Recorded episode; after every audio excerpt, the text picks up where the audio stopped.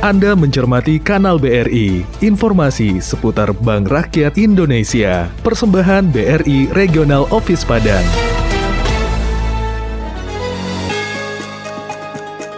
BRI melayani setulus hati. PT Bank Rakyat Indonesia Persero Tbk atau BBRI meraih laba bersih konsolidasi sebesar 44,21 triliun rupiah pada kuartal 3 2023. Ini merupakan lonjakan yang signifikan sebesar 12,47 persen dari periode yang sama tahun sebelumnya yang hanya mencapai 38,31 triliun rupiah. Laba untuk bank secara eksklusif atau bank only mencapai 39 triliun rupiah, di mana ini naik sebesar 4,89 persen dari tahun sebelumnya. Laba yang mengesankan ini terdorong oleh peningkatan pendapatan bunga bersih atau net interest income atau NII sebesar 4,86 persen year on year dibandingkan tahun lalu. Pendapatan ini mencapai 101,17 triliun pada kuartal 3 2023 dibanding sebelumnya yaitu sebesar 96,51 triliun rupiah pada kuartal 3 2022. BRI juga berhasil meningkatkan pendapatan berbasis komisi atau fee-based income sebesar 12,19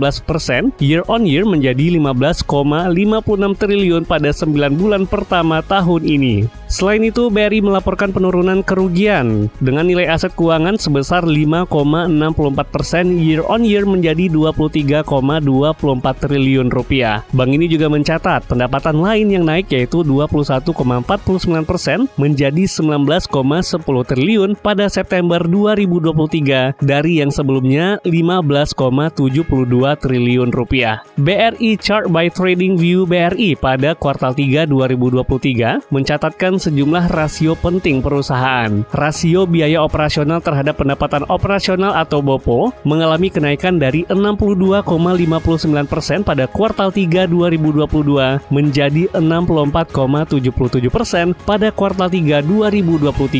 BRI juga mencatatkan penurunan margin bunga bersih atau net interest margin atau NIM 26 basis point atau BPS menjadi 6,97% pada kuartal 3 2023 dibanding dibanding periode yang sama tahun lalu yaitu 7,23 persen. Dari sisi intermediasi, BRI telah menyalurkan kredit sebesar 1.184,68 triliun pada kuartal 3 2023, naik 12,32 persen year on year, sementara aset bank naik 9,93 persen menjadi 1.851,96 triliun. Namun, rasio kredit bermasalah atau non-performing loan atau NPL, gross BRI naik sedikit menjadi 3,23 persen. Dari sisi pendanaan, BRI mendapatkan dana pihak ketiga atau DPK sebesar 1.290,29 triliun pada kuartal 3 2023, naik 13,21 persen year on year. Dana murah atau current account savings account CASA juga mengalami peningkatan sebesar 10,11